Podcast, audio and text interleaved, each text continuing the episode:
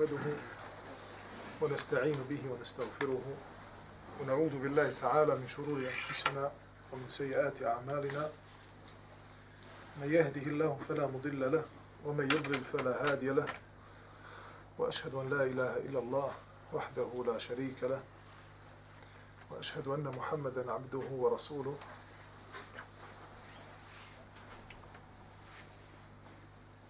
من يهده الله فلا مضل له ومن يضلل فلا هادي له. وإن خير كلام كلام الله تبارك وتعالى.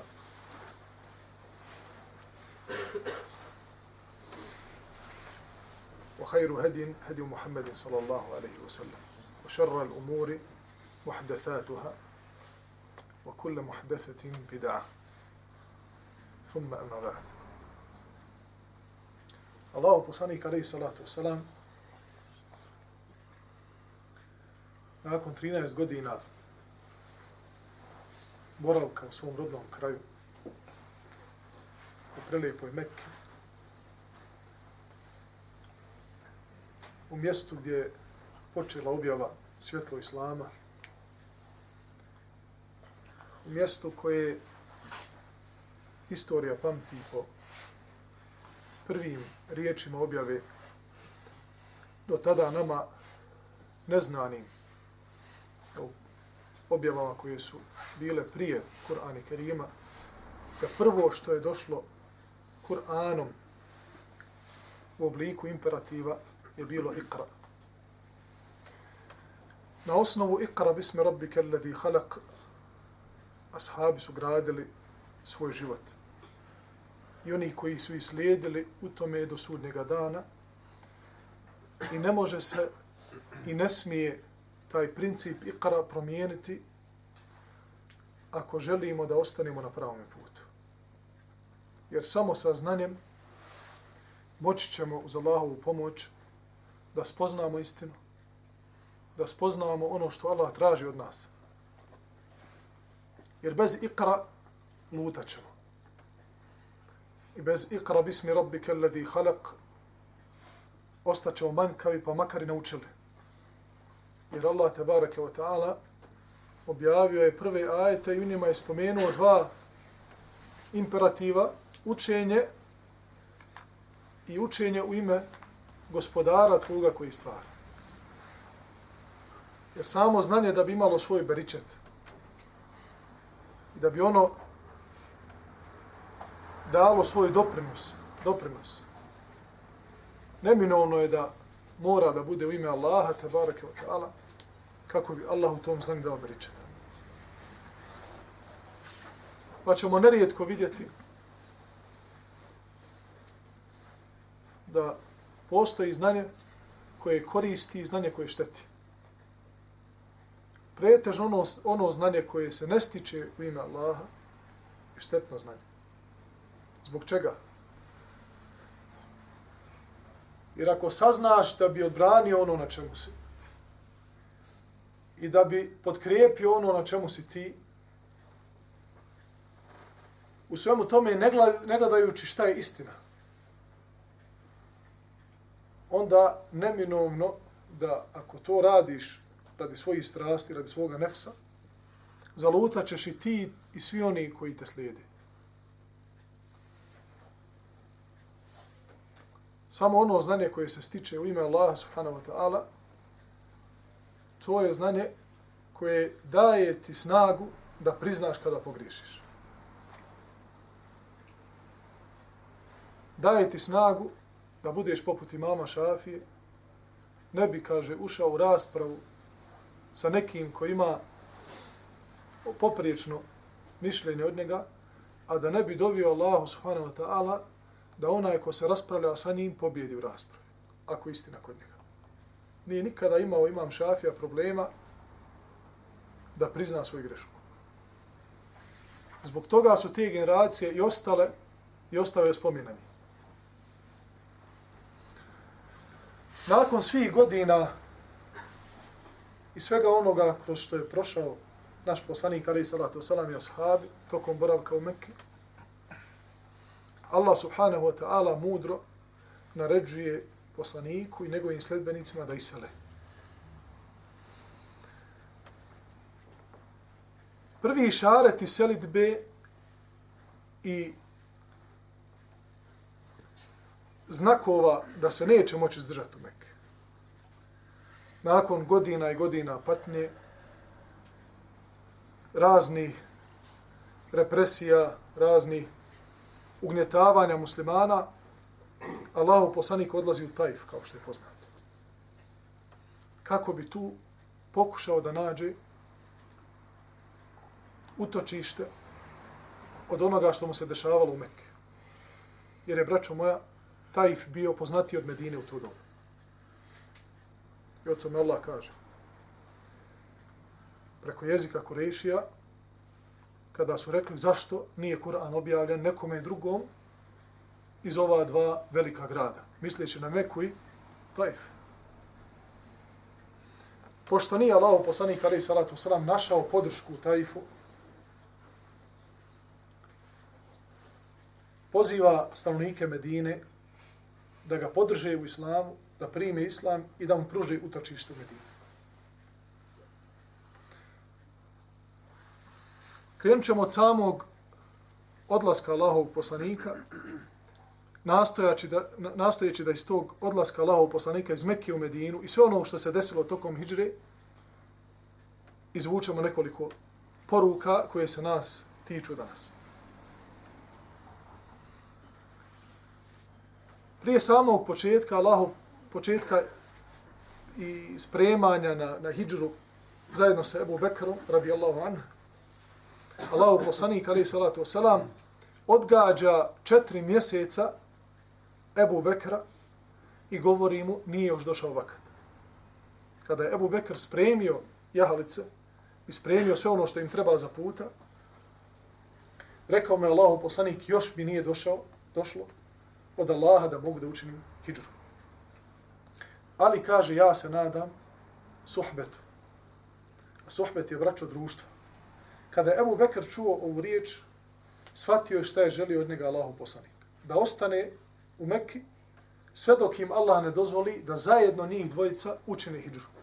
Pa se puno obradovao. I četiri mjeseca je hranio jahalice i pripremao ih za taj veliki čin, za taj veliki odlazak i možda najveću hijđru u historiji čovečanstva, koja je u istinu promijenila tok svega onoga što se dešavalo nakon hijđre, kako na arapskom polotoku, tako, braćo moja, u čitavom, čitavom svijetu.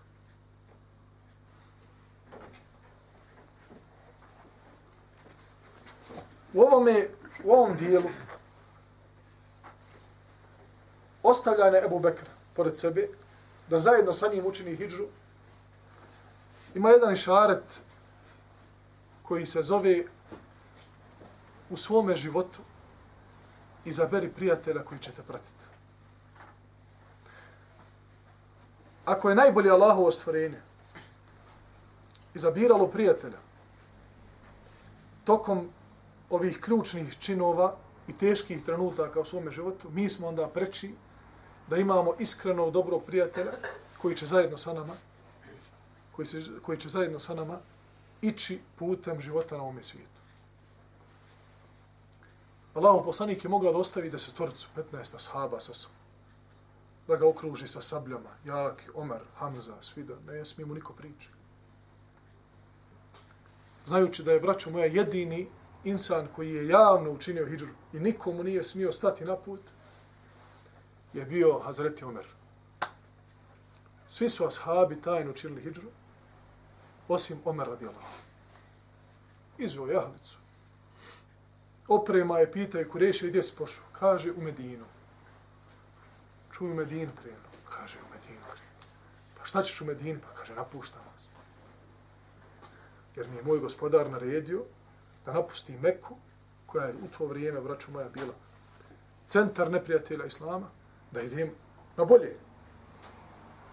Što znači da ponekada u životu napuštaš ono što ti je drago u ime Allaha kako bi postigao Allahovo zadovoljstvo ili kako bi određene stvari postigao u svome životu, pogotovo ako se dina tiče. Kao što je odlazak na studiranje, kao što je odlazak da čovjek stekne nešto od onoga što će mu koristiti na putu islama i tako dalje. Svima nama je drago i milo da ostanemo pored svojih roditelja, izmetimo svojoj, svojim roditeljima, svojoj majici, budemo svoju braću muslimanu u svome džematu kojeg ćemo potpomagati, biti jedni od stubova tog džemata koji će rasti, koji će se razvijati, biti čvrst. Ali ako je preče da izađemo nekoliko godina i da osjetimo šta znači biti stranac i ostavljamo sve iza sebe što nam je lijepo, što nam je korisno, onda to tako činimo, iako nam to nije drago. Kao što je Allahov poslanik zajedno sa ashabima napustio Meku. Pa onda poznato je da Omer rekao, ko želi da ga majka oplače, neka me sačeka iz onoga brda.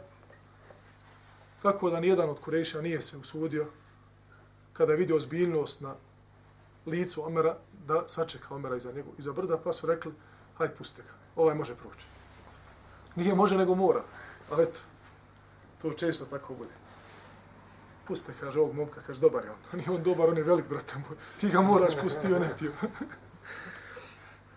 Hajde.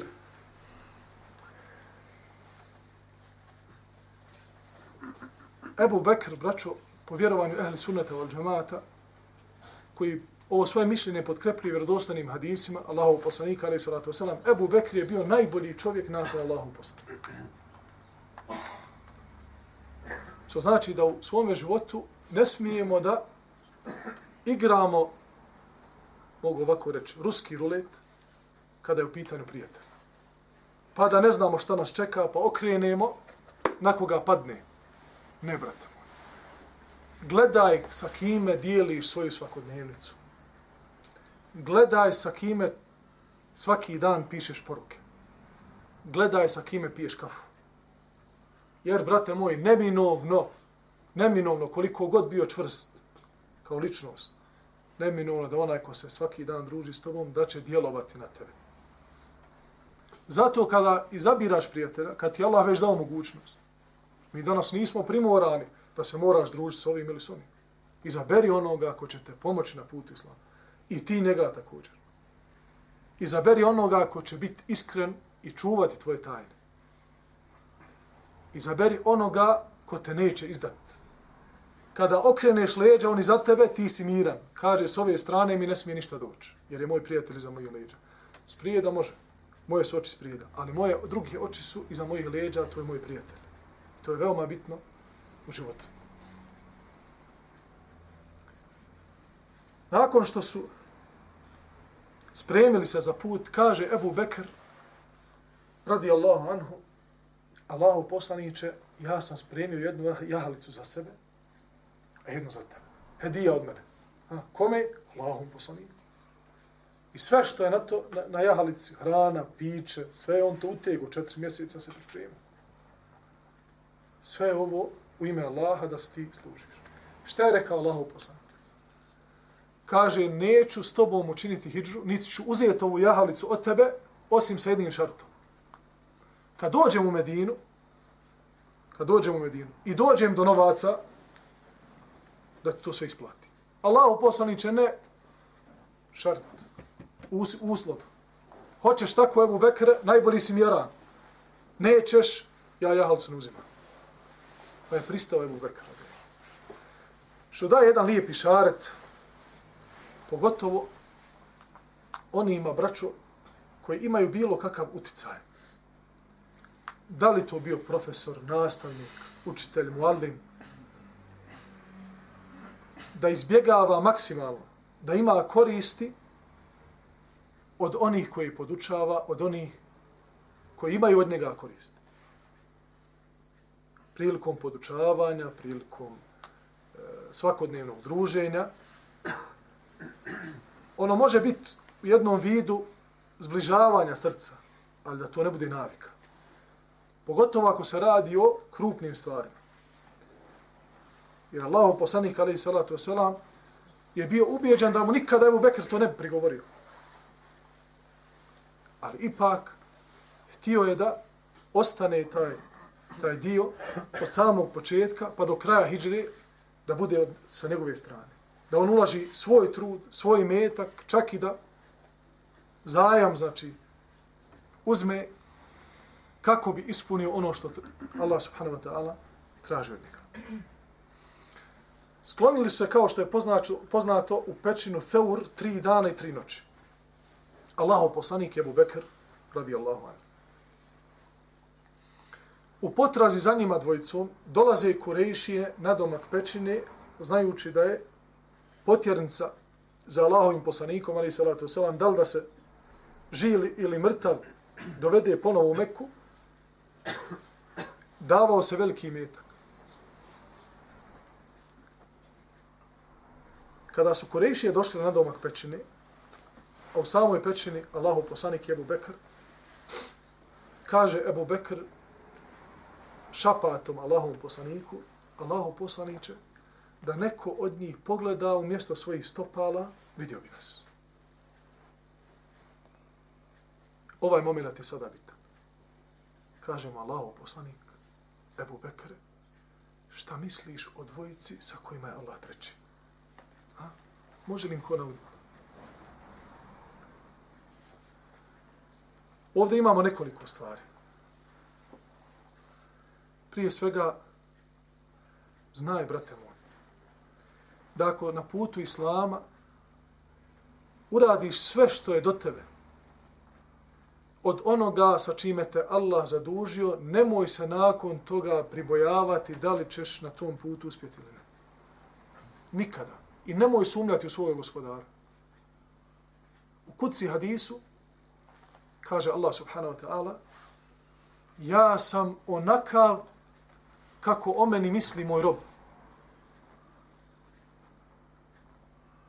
Ako je moj rob ubijeđen, i ako smo mi ubijeđeni u Allaha da će nas pomoći, Allah će nas pomoći. Zbog toga Allahu poslanik alejhi salatu wasalam govorio ashabima, lijepo o Allahu mislite. Zbog toga, braćo moja, islamski učenjaci kažu da gubljenje nade u Allahovu milost nakon počinjenog grijeha je teže od samog grijeha. Gubljenje nade u Allahovu milost nakon počinjenog grijeha, pa makar taj grijeh, braćo moja, zbog svoje veličine, doticao prvo nebo. Gubljenje nade da je Allah u mogućnosti ili ne, da ti ga oprosti, je teže od samog grijeha koji ispočinje.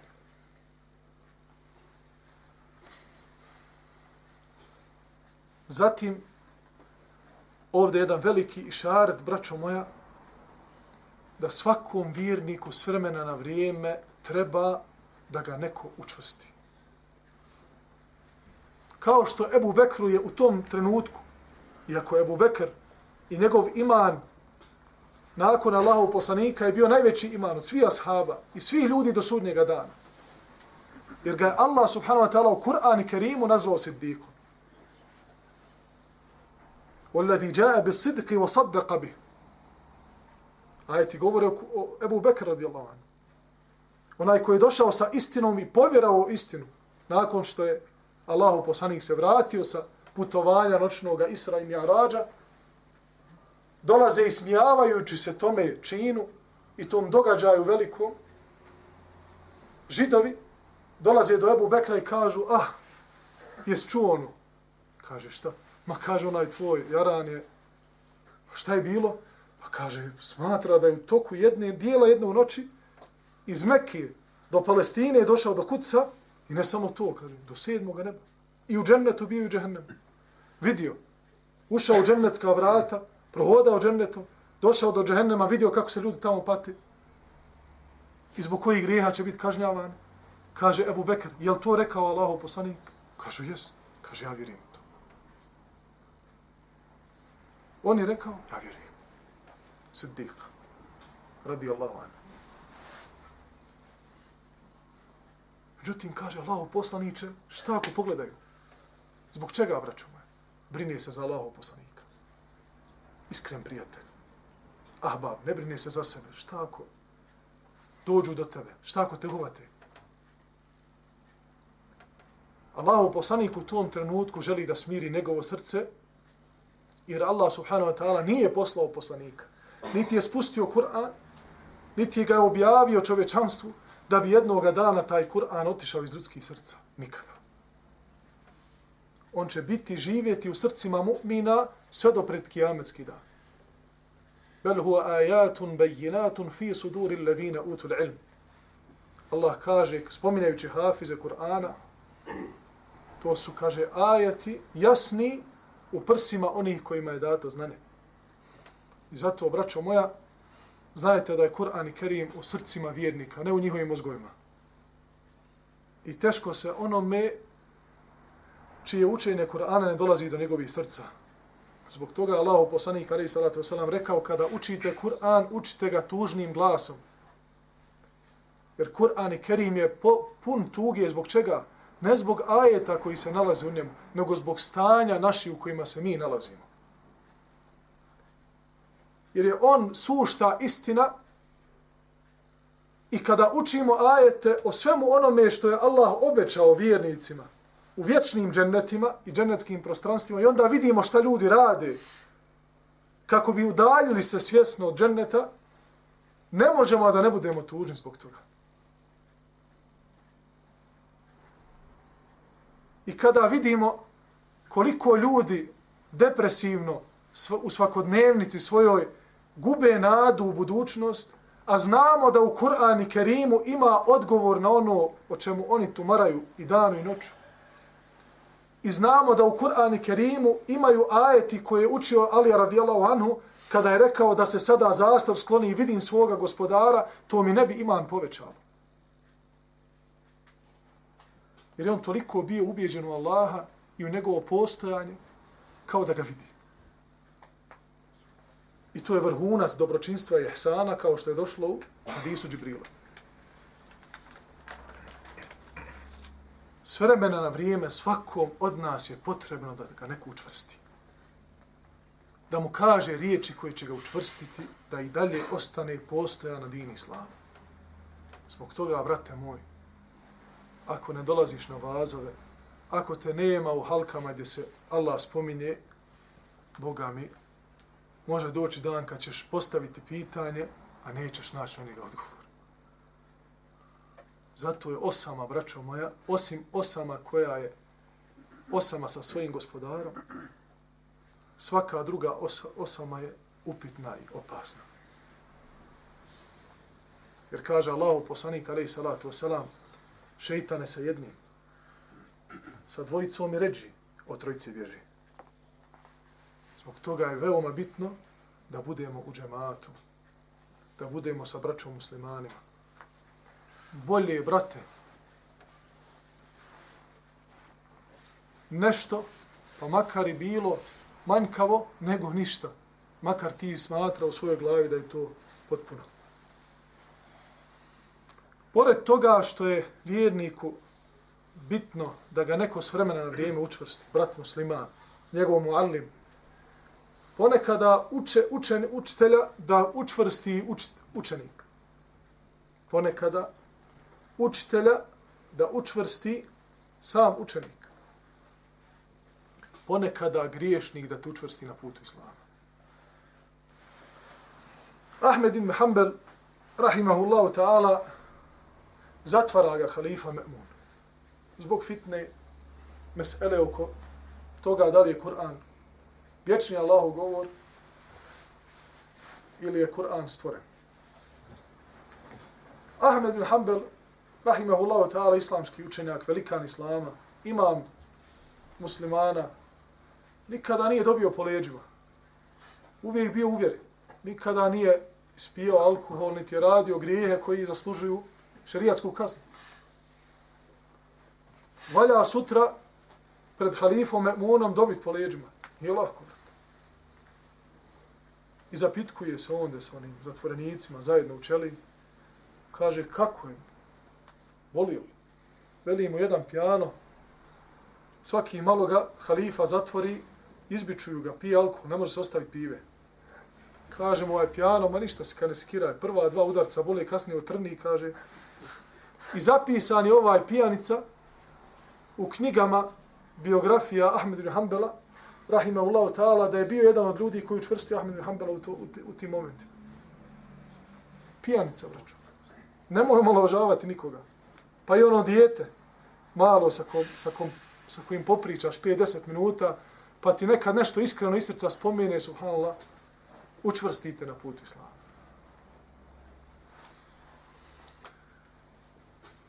Pored dobrog prijatelja i onoga koji te učvršćuje na, na din islam, tvoga učitelja, učenika, ahbaba, neminovno je da Kur'an i Kerim jedan od glavnih, glavnih učvršćivača na, pravom, učvršćivača na pravom putu. Jer Kur'an i Kerim kada odgovara Kurejšijama na pitanje zbog čega Kur'an nije od jedan put objavljen. Allah odgovara i kaže كذلك لنثبت به فؤادك mi ga tako objavljujemo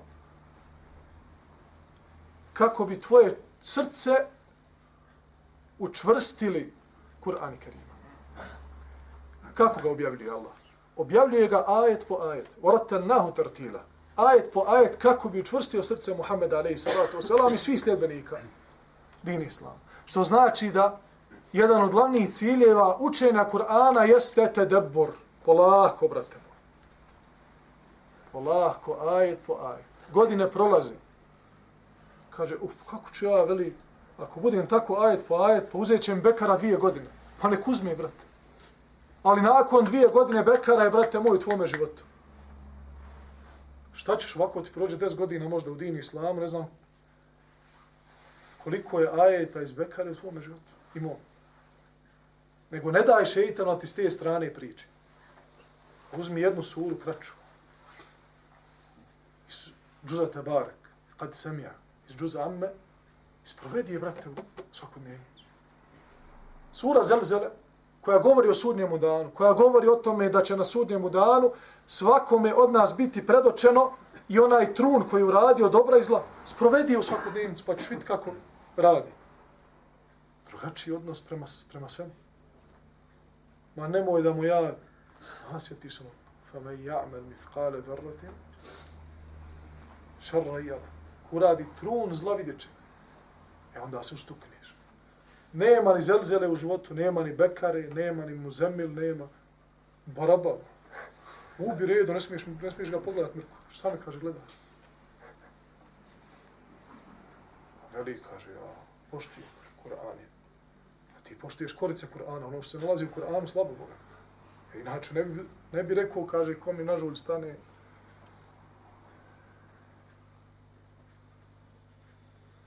Treća stvar koja učvršćuje srce vjernika jeste dova braćuma.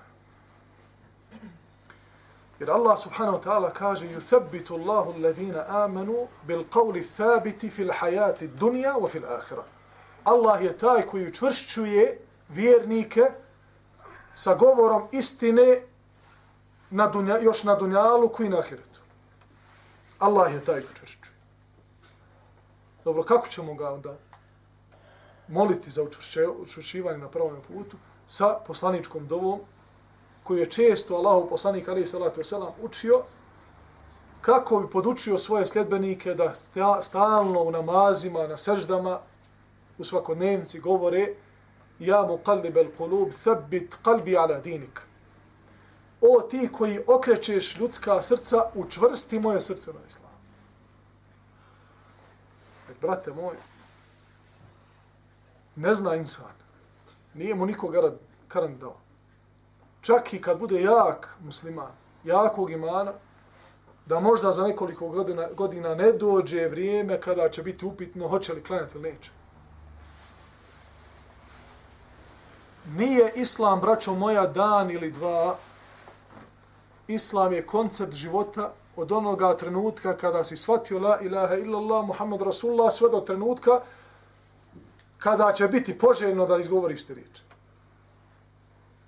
Jedna vrsta garancije da ono zadnje što bude kada budeš odlazio sa ovoga svijeta bude la ilaha illallah Muhammed Rasulullah jer kome zadnje riječi budu la ilaha illallah Muhammed Rasulullah po vjerodostojnom hadisu ući će u džennet.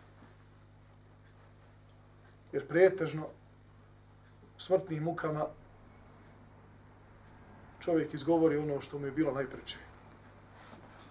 Ako mu je najpreće bilo šehade da nema drugog božanstva istinskog sem Allaha i da je Muhammed alaih salatu wasalam Allaho robi poslanik, i ako izgovorite riječi, inšala, dobar i fini šaret da je taj čovjek svoj život i da je njegov život bio la ilaha illallah Muhammed Rasulullah.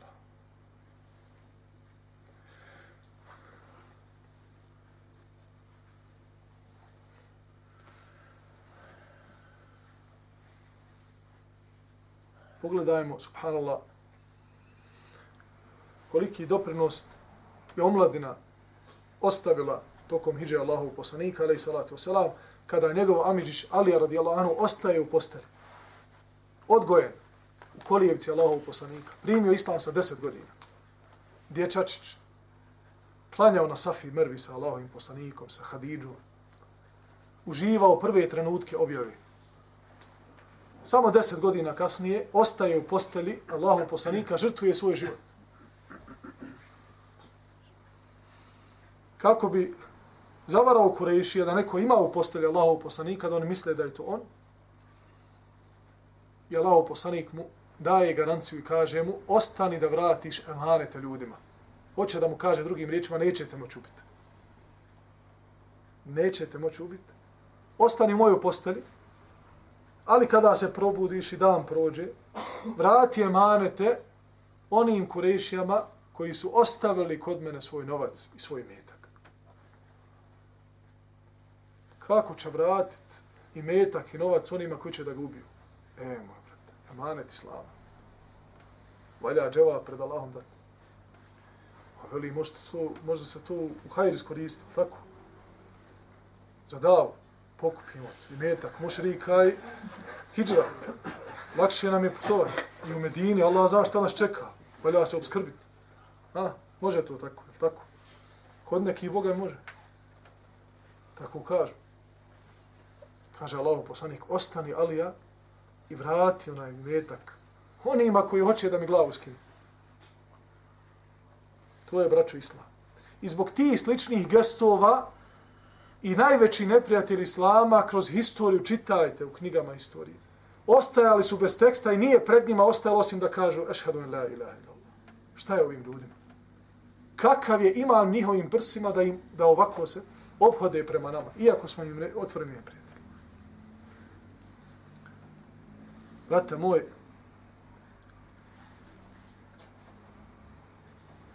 budi ljudina u islamu i nemoj sebi dozvoliti da zbog iskušenja koja su neminovna, kao što kaže imam šafija, znaj, kaže, nemoj se puno radovati. Jer znaj, kaže, da i sreća i tuga nisu vječni na ovome svijetu.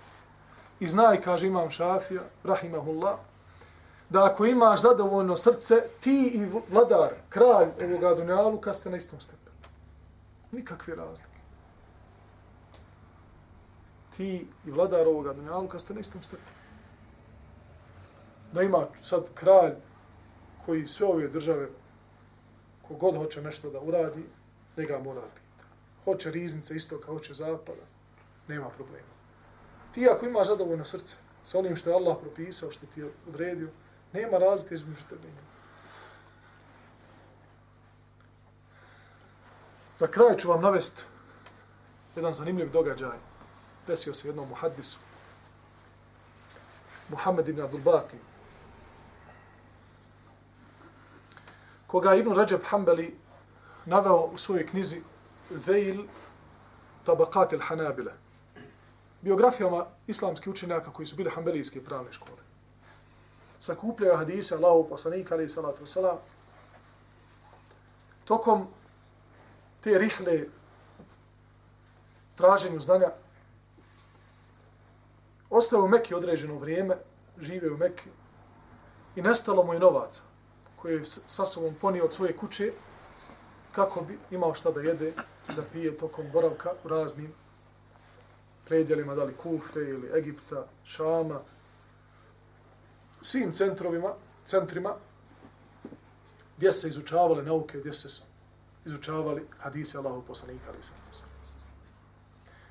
Kaže Ibn Ređep, navodi u njegovoj biografiji, da mu se desio čudan događaj. I ovo potvrđuje da insan kada je na pravom je putu i zna šta hoće i zna da od čega se zalaže, da Allah subhanahu wa ta'ala preuzme brigu potpuno o njemu i obskrbi ga odande, od one strane od koje se najmeni rada. Desilo mu se u Mekki da je htio da umre od glade. Danima nema šta da jede. Toliko je bio gladan jednoga dana da je izašao na ulicu samo da hoda, da malo zaboravio na, na glad. I bi odmah pomisli, nisam sigurno na pravom putu, čim je Allah ne da nekoliko dana da jedi. Braćo moja, šta su islamski učenjaci pretrpili? Imam Buharija ti malo nijednom preselio od gladi. Buharija, bez čiji danas hadisa i zbirke ne možemo progovoriti o din islamu. Džaba je. Kaže, Ravahul Buhari. Hadis prenosi Buharija. Hajde preskoči Buhari. Da te vidi. Hodajući tako od gladi ulicama Mekke, kad od jednom kesa, svileva. Uzme, sagne se, uzme, otvori kesu. Dijamantska ogrlica u svilenoj kesi uzme onu kesu, dijamantsku ogrlicu i kuće. Nemalo zatim čuje telala, znate šta je telalo, i mlađi. Čuje telala kako viče, ko vrati izgubljenu kesu, daću mu 500 dinara. 500 dinara. U to vrijeme, znači, Mohamed ibn Abdul Baki, da jedno pola godine i više ne sikira se za jelo, piće, hoće li ići u Kufu, Egipat, Šam, Basu, Meka, Medina. Sve, alhamdulillah. Kad je čuo Muhammed ibn Abdul izađe napolje. Kaže, ljudino, kako si kesu izgubio? Kaže, svilena kesa unutra, dijamantska ogrlica. Kod mene. Izvadi fina iz džepa. Kaže, jel ovo? Jes, Allah te nagradio. Evo, kaže, 500 dinara. Kaže njemu Muhammed, meni ne treba tvoj metak. Ja sam našu, ovo nije moje. Ovo je, je li ovo tvoje? Kaže, jest. Što će mi tvoj, tvoj te stotina dinara? Pa kaže, uzmi halal ti bilo. Meni to ne treba. Okreni se od njega. Ponese ga put nakon nekoliko dana da se ukrca na jednu lađu I Allah dadne tokom plovidbe tom mlađom oluju, da je prevrnila brod, rastorila ga i svi, sva flota i svi na palubi što su bili, svi ljudi, posada, svi se utopi, samo on ostane živ. Spasi se na jednom komadu daske i taj komad daske ga, kako je vjetar puhao, nosio istočno i zapadno i prema obalama i sredinom mora, sve do ga jednom nije plima odnijela na jedno ostrvo izađe na tom ostrvu i vidi ugleda jedno selo. Dođe kad muslimansko selo. Uđe odmah u mesečit. Nemalo namaz. Dođe vakat namaza. I stanovnici tog ostrva, tog sela, kad su ga ugledali, kažu mu, znaš li učiti u Koranu? Kaže on, zna. Kaže, gdje nam klanjaju? Ne znam, nakšan, jaciju. Kad im je klanjao namaz, imao je lijep glas fino uče Kur'an. Zadive se, uh, kaže, Boga mi, ti ćeš nam osad, kaže, klanjat namaze, a za uzvrat ćemo ti dati neku sobicu, nahranite, fino vidimo da si musafir, ne znamo te. Dobro, taman da se on okrepi par dana, se malo oporavi. Par dana prošlo, vidi ga kako uči iz mushafa. Kaže, pa ti znaš čitat Kur'an? Kaže, znam čitat Kur'an. Muhaddis. E, kaže, mi ćemo tebi dati platu, da ti nama našu djecu podučavaš Kur'anu i nas i da nam klanjaš ovdje, imat ćeš platu, a ima jedna djevojka, babo joj je preselio, je ti, oženit ćemo te njom. Nemoj Allah vas nagradio, hoće, ne, stisli ga, svidio im se. Mlad imam, ej, tamo još da ga ožene, to je najbolji potez. Jednog moga baba, zajedno studirali u Egiptu, i otišao na zapad, jedan džemat, odmah ga oženi i rekao, jesu pametni su.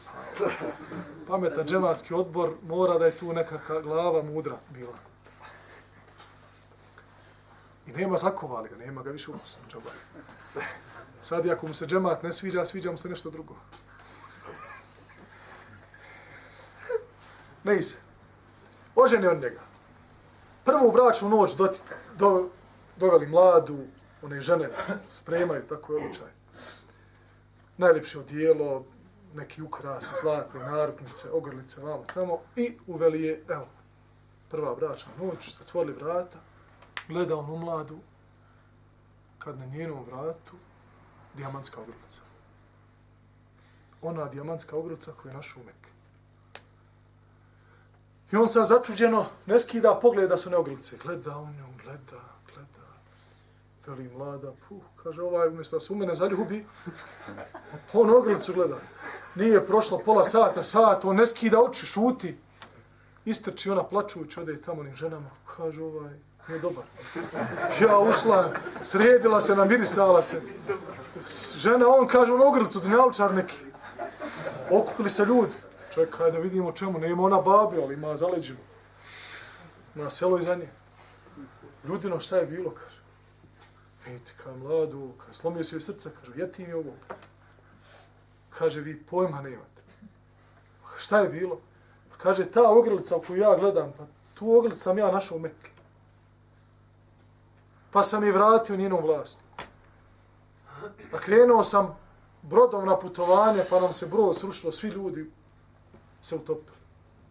I koma daske mi izbacio vama i još me oženiste djevojkom koja na, na svom vratu ima tu ogrlicu. Ne mogu sebi, kaže, da dođu. Kad sto ljudi ti čuli, počeli su da vrište. Svi se sakupili, čitavo se. Kažu, subhanallah, babo ove djevojke je stalno dovio Allahu da te sretne. I on je, kaže, bio vlasnik, taj vlasnik kome si ti vratio ogrlicu, stalno je govorio, Allahu moj, dozvoli mi da se sretnem s onim mladićem što mi je vratio ogrlicu, da mu dadnem svoju kćerku za ženu. Ali, kaže, preselio. Subhanallah. Pa Allah svojim kaderom, kad hoće da nekome usliša dovu, dao je da se brod sruši i da se potope ljudi, samo da Muhammed ibn Abdul Baki dođe na ostravo i oženi ovu jetinku. Zar nije dovom Nuha Allah potopio čitavo čovječanstvo? Zar nije dovom Muhammed ali salatu wasalam potpomagao malu skupinu na bedru? Zar nije, zar nije? Dova je najveće oružje, braću moje. Ko ovo shvati, Allah će mu se smilovati. Ko ne svati, molim Allah da mu se smiluje. Pa da svati. أقول قولي هذا واستغفر الله لي ولكم والسلام عليكم ورحمة الله.